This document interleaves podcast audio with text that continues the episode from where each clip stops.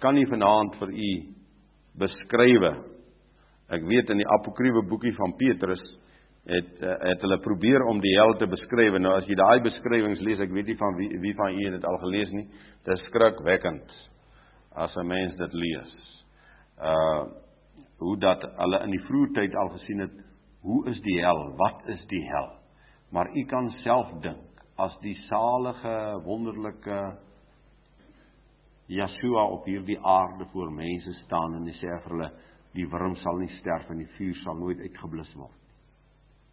Dan u vir u voorstel wat 'n skrikwekkendheid is dit. En wat Jawe gesê het, het hy gesê en wat hy beplan het, het hy beplan en wat hy doen, doen hy. En as ek so rondom my kyk en ek dink aan hierdie baie pragtige in die algemeen gesien pragtige mense van ons en oor die eeue en oor die jare sonder Jawe vanaand. Weet jy hoeveel mense is sonder hom? Weet jy hoeveel duisende sit vanaand binne kerke sonder Yeshua? Sonder die ewige lewe omdat hulle nog nooit nog nooit die stap wou neem in sy lewe nie. Ek ek onthou my lewe op huisbesoek by soveel huisgesinne, dan vra ek, "Meneer, sê jy net vir my, wat verhinder jou om jou hart vir Jawe ten volle te gee?" Sê nee, hy weet nie. Hy weet nie wat hom verhinder nie, maar hy is nie bereid om dit te doen nie. Hier diep in sy hart is die mens so vasgevang dat hy bang is God verrenneer jou as jy sy kind is. Hy doen aan jou skade. Jy kan nou sekere dinge nie meer doen in die wêreld nie. So jy bly maar daar waar jy nog altyd kan kansse vat. Terwyl hy by u en my pleit. Jou hele hart, jou hele lewe. En dit sal word in jou binneste 'n fontein van lewende water wat opspring tot in die ewige lewe. Dis tog so bo alles die moeite werd om seker te maak dat ek Jahwe se pad stap As ek en u vanaand weet, daar lê voor ons 'n pad waar ek sal staan voor 'n regter. Voor wie se aangesig niks verborge is. Niks. Nou wil ek net gou terwille alles het terwille van een persoon wat dit nog nie het vanaand nie. Wil ek teruggaan na 1 Korinte 15 toe en ek wil dit maar by hierdie uh ge, geleentheid weer op band sit. Ek het dit al vroeër gesê, maar 'n mens kan tog heerlike waarheid nie genoegsaam oor en oor leer nie. Reeds in die Ou Testament, reeds in die Ou Testament in Hosea se boek roep hy uit dood waar is jou angel doderyk waar is jou oorwinning? Reeds Hosea sien as profeet hierdie magtige oorwinning wat sal kom in Yeshua. En wanneer Paulus skrywe Dan sluit hy hom aan by Hosea en dan sê hy in 1 Korinte 15 vers 55: Dood, waar is jou angel? Doderyk, waar is jou oorwinning? Hoekom sê hy dit so?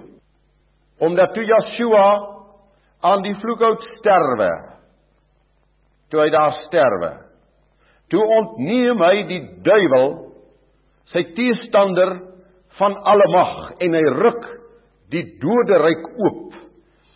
En al die gelowiges wat vanaf Adam in die doodryk gevange gehou was in hierdie plek van tydelike bewaring word weggeruk na die paradys uit die doodryk so Yeshua se oorwinning skep 'n woning vir sy gelowiges. En al het u en ek nie daardie oorwinning uh daardie tyd verstaan of beleef nie vanaand moet ons dit verstaan as enige gelowige mense as om op hierdie aarde uitblaas, dan gaan hy nie meer doderyk toe. Hy gaan na die paradys toe. Dit is nog 'n tussentoestand plek, maar nou is dit 'n heerlike plek. Dit is waar Yeshua in sy opgestane liggaam onder die gelowiges wandel. Dit is waar hy ook vir hulle baie duidelik uh, in die verhaal wat hy vertel van die ryk man en Lazarus waar hy die plek gee, die skoot van Abraham noem hy dit. Die plek Abraham is die vader van al die gelowiges, waar die gelowiges bymekaar is. En daarom kon Paulus jubel, hy kon juig want dit is waar dood is oorwin. Doderyk kan jou nie meer vashou nie. Hy het geen reg of mag meer op jou nie. En wanneer Yeshua op die eiland Patmos aan Johannes verskyn, dan sê hy vir hom hier in die 18de vers van Openbaring 1. En ek was dood en kyk ek leef tot in alle ewigheid. Amen. Ek het die sleutels van die doderyk en van die dood. Nou as Yeshua die sleutels het wat hy dan hoe vroeër nie gehad het nie.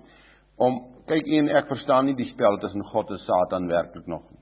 Ons sal eendag dit mooi verstaan. Wat 'n verskriklike spel was dit wat uitgespeel moet word. En nou het Yeshua die sleutels van die dood en die doderyk. Die Satan het die gelowiges ook daar gevangene gehou. En in die oorwinning van Yeshua is alle gelowiges vrygemaak. En daarom lees ons mos daar het in Jerusalem mense wat opgestaan het aan ander verskyn in Jerusalem. Dit is toe Yeshua die doderyk oorwin het. En dan lees ons mos nou in Openbaring, ek herhaal dit graag dat u dit nou mooi sal verstaan. Nou sien ons in Openbaring 19 weer in vers 20 die dier en die valse profeet. Dis is nou Openbaring 13, die dier uit die see en die dier uit die aarde. Die anti-kris of die in plek van die valse wat sal voorkom, die valse gesalfde en die valse profeet is in die poel van vuur gewerp. En nou moet jy mooi oplet, ek sê dit nou maar sommer vir interessantheid. Nou moet jy baie mooi oplet. Die Satan is gebind en is in die afgrond. Hy word vasgehou op 'n ander plek. Totdat die 1000 jaar volëindig is en dan sal hy losgelaat word. So as as die ellende nou kom, as Yeshua voor Yeshua kom is hier nou groot ellende. Nou verlei die valse profeet en die dier uit die see magtig. En dan kom Yeshua en hy tree op en hy gaan op hierdie aarde heers as koning sê die Bybel en hy gaan op die troon van Dawid sit. En daardie tydperk is die Satan gebind, maar hierdie valse en hierdie magtige van die aarde is reeds word reeds in die poel van vuur gewerp. En na die 1000 jaar, nadat alles volbring is, wanneer Yeshua dan sy volkomme oorlog voer oor die aarde en alles vernietig. En hierdie hemel en hierdie aarde sal verbygaan met 'n gedruis. Dan lees ons is die dood en die doderyk in die poel van vuur gewerp. Vers 14 van hoofstuk 20. En daar vers 15 en almal wie se name nie geskryf is in die boek van die lewe. U sien dus dan word die doderyk, dan word daardie wat daar gevangene gehou word wat dan ook dan nou die terrein is van Satan wat dan ook nou syne is word dan saam met hom in die vuurpoel gegooi of gewerp. Nou kom ons vra net vir ons eerstens dan die vraag vanaand. Uh wie gaan hel toe?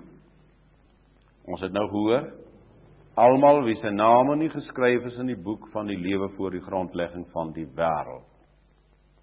Die Satan en al sy engele wat bewaar word vir die oordeel word in die vuurpoel gewerp. Hierdie vals profeet Dit wil sê alles wat vals is binne die godsdiens sal in die poel van vuur gewerp word. Alles wat mislei en lieg en die groot magtige anti-kriste of vals gesalfdes van die tye sal in die poel van vuur gewerp word. Nou as dit maar alles, maar dis nie al nie. Daar staan in Eksodus 32 vers 33 Ek sal die wat teen my gesondig het, se name uitwis uit my boek. Ons het net gelees in Matteus 8 vers 12, die kinders van die koninkryk sal uitgewerp word in die buitenste duisternis.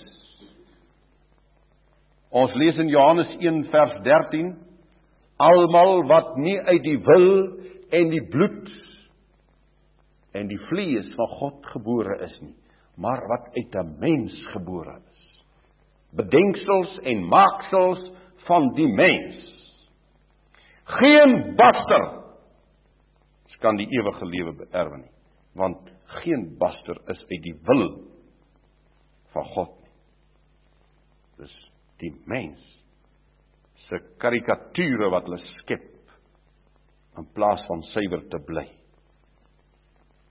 As die Bybel teen 'n waster vloek, dan is dit alles wat gemeng het met Israel en wat nie met hom mag gemeng het